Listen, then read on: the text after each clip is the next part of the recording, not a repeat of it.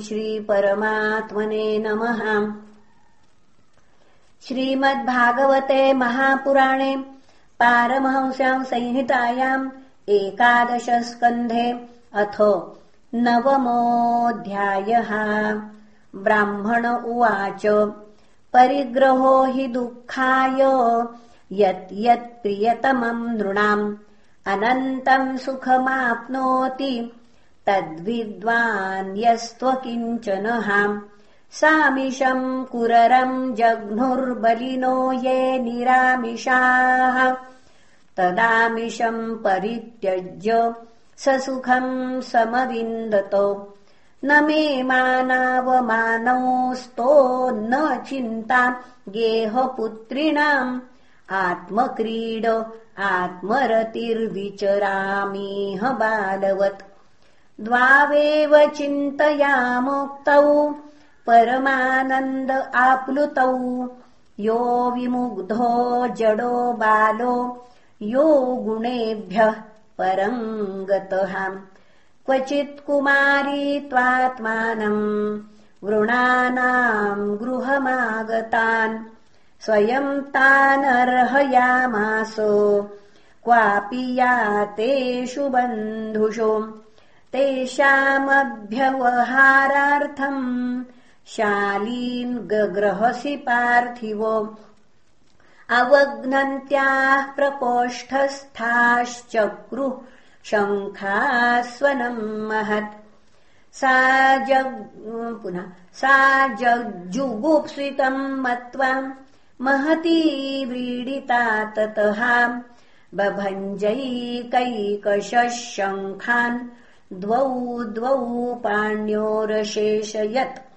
उभयोरप्यभूद्घोषो ह्यवघ्नन्त्या स्म शङ्खयोः तत्राप्येकम् निरभिददेकस्मान्नाभवध्वनिः। अन्वशिक्षमिमम् तस्या। उपदेशमरिन्दम लोकानानुचरेन्नेतान् लोकतत्त्वविवित्सयाम् वासे बहूनाम् कलहो भवेद्वार्ताद्वयोरपि। एक एव चरेत्तस्मात् कुमार्या इव कङ्कणः। मन एकत्र संयुज्यार्जितश्वासो जितासनः वैराग्याभाभ्यासम् योगेन पुनः वैराग्याभ्यासयोगेन ध्रियमाणमतन्द्रितः।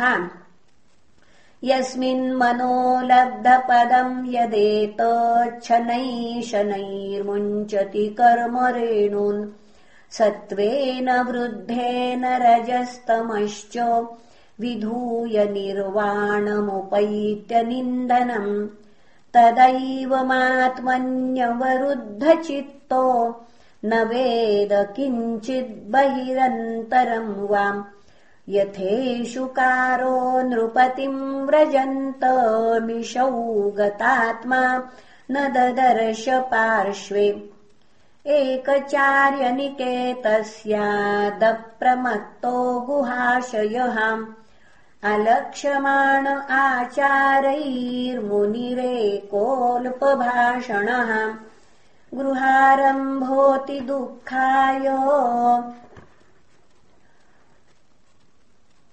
विफलश्चाध्रुवात्मनः। सर्पः परकृतम् वेश्मो प्रविश्य सुखमेधते। एको नारायणो देव पूर्वसृष्टम् स्वमायया। संहृत्य कालकलया कल्पान्त इदमीश्वरः। एक एवाद्वितीयो भूदात्माधारोऽखिलाश्रय। कालेनात्मानुभावेन साम्यम् नीतासु शक्तिषु सत्त्वादिष्वादिपुरुष प्रधानपुरुषेश्वरः। परावराणाम् परम आस्ते कैवल्यसौनितः केवलानुभवानन्द सन्दोहो निरुपाधिकः। केवलात्मानुभावेन स्वमायाम् त्रिगुणात्मिकाम् संक्षोभयन् सृजत्यादौ तया सूत्रमरिन्दम। तामाहुस्त्रिगुणव्यक्तिम् सृजतिम् विश्वतोमुखम्। यस्मिन् प्रोतमिदम् विश्वम्। येन संसरते पुमान्। यथोर्णनाभिर्हृदयादूर्णाम् सन्तत्यवक्त्रतः तया विहृत्य भूयस्ताम् ग्रसत्येवम् महेश्वरः। यत्र यत्र मनो देहि धारयेत् सकलम् धिया स्नेहात् द्वेषात् भयाद् वापि याति तत्तत्स्वरूपताम् कीटः पेशकृस्कृतम् ध्यायन् कुड्याम् तेन प्रवेशितः।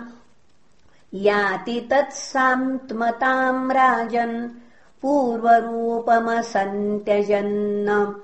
एवम् गुरुभ्यः एतेभ्य एषा मे शिक्षिता मतिः स्वात्मोपशिक्षिताम् बुद्धिम् शृणु मे वदतः प्रभो देहो गुरुर्मम विरक्तिविवेकहेतुर्बिभ्रस्म सत्त्वनिधनम् सततार्त्युदर्कम् तत्त्वान्यनेन विमृशामि यथा तथापि।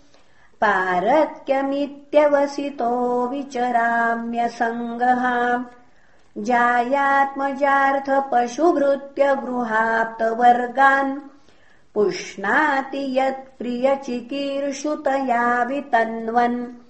स्वान्ते सकृच्छमवरुद्धधनः स देहः सृष्ट्वास्य बीजमवसीदति वृक्षधर्माम् जिह्वैकतो ममपकर्षति कर्हि तरशा शिष्ण्योऽन्यस्तद्वद्गुरुदरम् श्रवणम् कुतश्चित् घ्राणोऽन्यतश्चपलदृक् च कर्म शक्तिर्बह्व्य सपत्न इव गेहपतिम् लुनन्ति। सृष्ट्वा पुराणि विविधान्यजयात्मशक्त्याम् वृक्षान् सरीसृपपशून् खगदंशमत्स्यान्नम् तैस्तैरतुष्टहृदयः पुरुषम् विधाय ब्रह्मावलोकधिषणम् मुदमापदेवः। लब्ध्वा सुदुर्लभमिदम् बहु सम्भवान्ते मानुष्यमर्थदमनित्यमपीह धीरः तूर्णम् यतेतनपतेदनुमृत्यु यावन्निःश्रेयसाय विषयः खलु सर्वतः स्यात् एवम् सञ्जातवैराग्यो विज्ञानालोक आत्मनि विचरामि महीमेताम् मुक्तसङ्गो कृतिः न ह्येकस्माद्गुरोर्ज्ञानम् सुस्थिरम् स्यात् सुपुष्कलम् ब्रह्मैतदविद्वितीयम् वै गीयते बहुधर्षिभिः। श्रीभगवानुवाच इत्युक्त्वा स यदुम् विप्रस्तमामन्त्रगभीरधीः वन्दितोऽभ्यर्थितो राज्ञा ययौ प्रीतो यथागतम्। अवधूतव च श्रुत्वा पूर्वेषाम् नः स पूर्वजः सर्वसङ्गविनिर्मुक्तः समचित्तो बभूवः। इति श्रीमद्भागवते महापुराणे पारमांस्याम् संहितायाम् एकादशस्कन्धे नवमोऽध्यायः।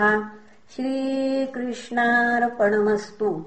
हरये नमः हरये नमः हरये नमः